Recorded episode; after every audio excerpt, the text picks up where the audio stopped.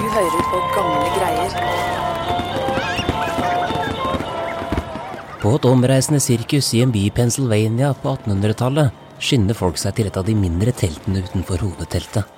Alle vil ha et glimt av hovedpersonen. Verdens sterkeste mann. Nordmannen som er kjent over hele verden som den moderne Goliat. Det blir sagt at han kan løfte flere hundre kilo. Men kan det virkelig stemme? Selv for den enorme, skjeggete mannen som står foran det. Han tar tak i en sandsekk som ligger på gulvet foran ham. Så til publikums store forbløffelse løfter han den over hodet med bare én hånd. Dette må virkelig være den største og sterkeste mannen i hele verden.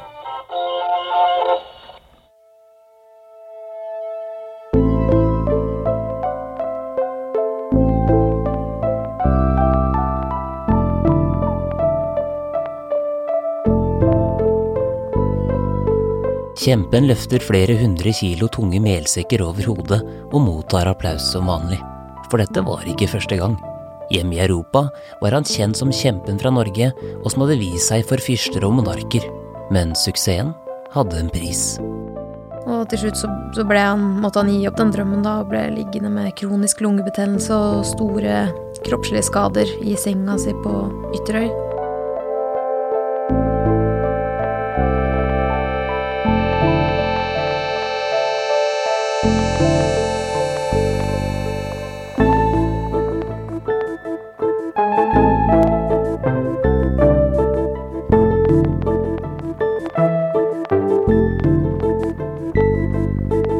Velkommen til Gamle greier, podkasten hvor vi her på Nasjonalbiblioteket gir deg historier fra samlingen vår.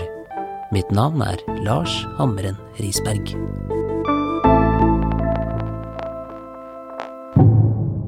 På en liten øy i Trondheimsfjorden midt på 1800-tallet, i en liten steinstue som lå lent mot eh, fjellveggen, så ble det født en ganske vanlig liten gutt. Live Fedler Nilsen, historiker og journalist her på Nasjonalbiblioteket. Den lille gutten, det var Henrik Brustad. Faren hans og moren hans hadde ikke så god råd. Faren tok litt strøjobber eh, her og der på forskjellige gårder eh, der familien eh, bodde.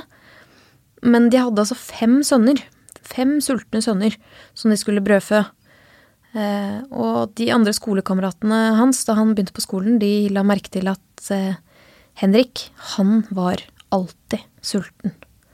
Han spiste og han spiste det han kunne få tak i, men han ble aldri mett. Og det er jo typisk at, eh, at man ikke vokser så mye hvis man ikke får i seg nok mat. Men sånn var det ikke for Henrik. Han sluttet ikke å vokse.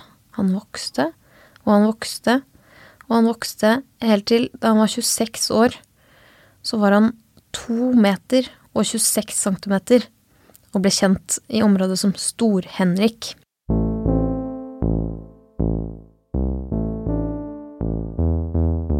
Med en så høy og muskuløs kropp skulle vel fysisk arbeid være en enkel sak for 26-åringen.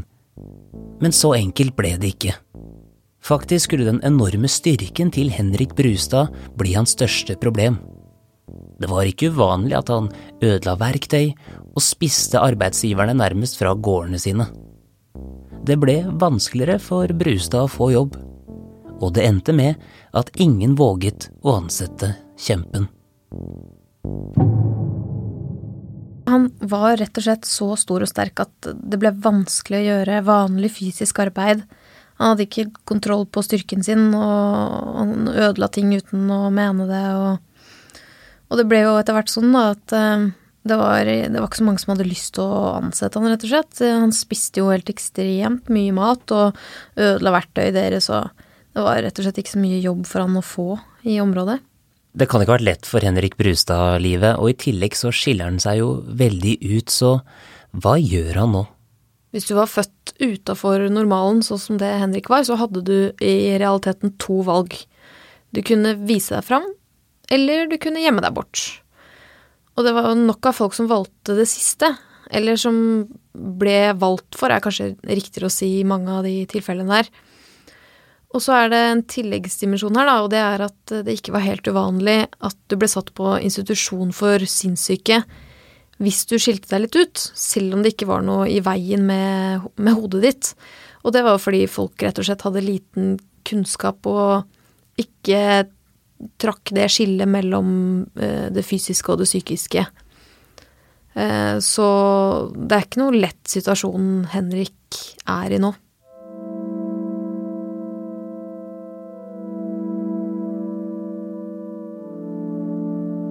Fremtiden til Henrik Brustad så ikke så lovende ut slik situasjonen var nå. Kanskje det var like greit å bare gjemme seg bort fra offentligheten? Men Brustad ga ikke opp. Han fikk heller en idé. Hva man kunne demonstrere for folk sin imponerende muskelkraft på markeder og sirkus mot betaling. Dette var tross alt en tid hvor det ble stadig vanligere for mennesker som skilte seg ut og plassere seg selv foran folkemengder for å tjene penger. Henrik velger, som mange andre i hans situasjon, å prøve lykken i underholdningsindustrien. Og hvis han gjør det bra der, så har han muligheten til å tjene gode penger og lage seg et navn som underholdningsartist. Og der begynner altså den utrolige reisen til kjempen fra Trøndelag.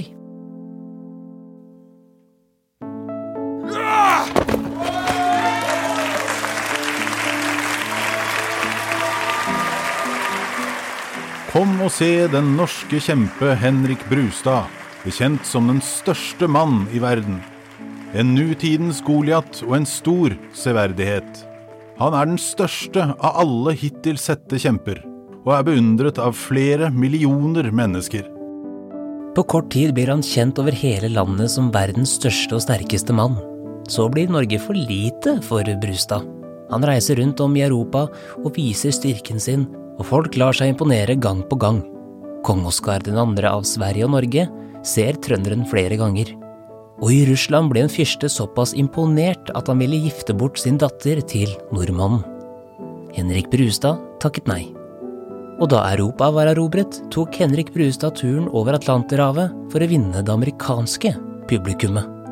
Og der skulle han møte en av de mest berømte sirkuspionerene på denne tiden. P.T. Barnum. Det er et kjent navn i amerikansk historie. Han er kjent som en pioner innenfor amerikansk populærkultur og showbiz. Og han møtte Stor-Henrik da han kom over Atlanteren. Og det Henrik nå blir en del av, det er intet mindre enn The Greatest Show on Earth eller verdens største show, som Barnum-sirkuset faktisk ble kalt.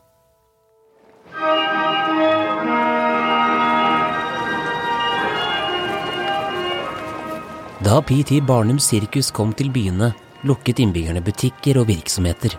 For nå var det verdens største forestilling som var midtpunktet. Folk gikk ut i gatene for å se alt fra eksotiske dyr til kuriøse mennesker.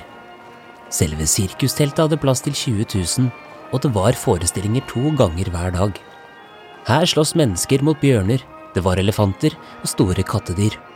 Folk hadde aldri sett noe lignende.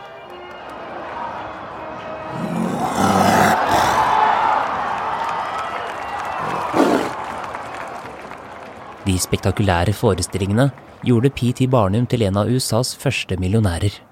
PT Barnums suksess hadde også ført til at Brustad tjente penger men han sløste ikke med inntekten sin. Han delte heller pengene med familien og fikk bygget en gård hjemme i Trøndelag. Barnum visste å markedsføre seg selv, det var jo hele suksessoppskriften hans, og sentralt for denne markedsføringsstrategien var at alt skulle være spektakulært. Om du var tynn eller tjukk, høy eller lav, så hadde du en plass hos Barnum så lenge du var tynn nok tykk nok, eller som i Henriks tilfelle, sterk nok. Og Henrik Brustad sa selv i ettertid at han løfta over 400 kilo over hodet på flere av disse showene, og hvis det stemmer, så er det ganske ekstremt. Og det er denne jakten på det ekstreme som etter hvert får konsekvenser for Henrik Brustad.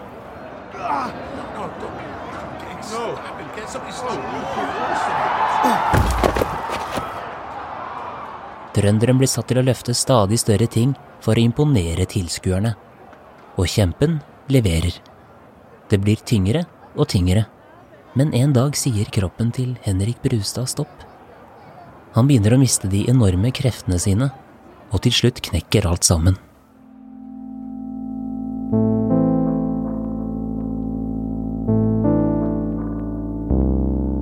Kjempen fra Norge ble aldri den samme igjen, og han så ingen annen utvei enn å dra hjem igjen til Norge. Henrik Brustad drar tilbake til Ytterøy, til gården han har bygget. Han kan jo ikke fortsette sånn som han har holdt på, men han vil likevel vise seg fram. Han er jo fortsatt en stor kjendis i Norge. Og selv om høydepunktet i karrieren hans er over, så har Henrik fortsatt én drøm han gjerne vil få oppfylt før han gir seg. Og det er å reise lenger enn han noen gang har reist, til den andre siden av kloden, nemlig til Australia.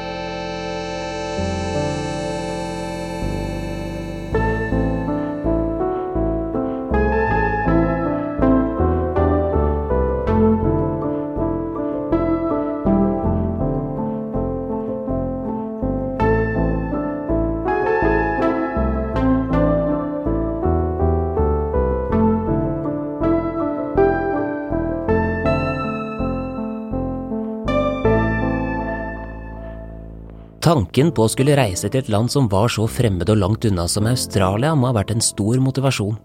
Men dessverre holdt ikke helsa hans. I 1890-årene ble han så syk at han måtte fraktes til sykehus. Mye tydet på at han ikke hadde lenge igjen.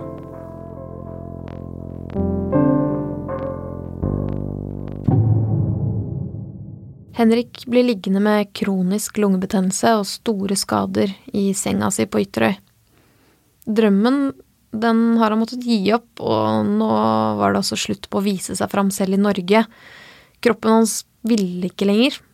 Og der, i senga si på Ytterøy, bare 54 år gammel, dør altså verdens sterkeste mann i januar 1899.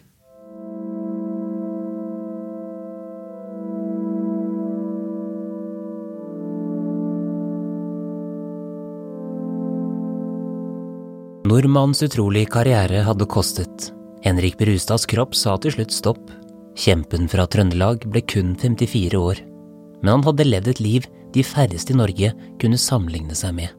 Han hadde en vellykket karriere i underholdningsbransjen både i Europa og USA. Men dessverre satte helsen en stopper for det som kunne ha blitt en enda større karriere. Livet på disse bildene vi ser av Henrik Brustad, så tenker jeg umiddelbart at uh, han hadde ganske lett fått uh, roller i dagens uh, Hollywood, og sikkert levd et mye mer komfortabelt liv i underholdningsbransjen i dag enn han gjorde på den tiden der. Kom egentlig Brustad til verden litt for tidlig? Nei, vet du hva, jeg tror han ble født akkurat til riktig tid, eh, hvis eh, så fremt målet var å bli kjent, da. For at eh, denne, i denne perioden her så er det jo nettopp denne type folkeforlystelser eh, eh, noe, av den, eh, noe av det største populærkulturen vi har. både i Norge og, og i utlandet. Så sånn sett så, så traff han ganske bra på timingen her, altså.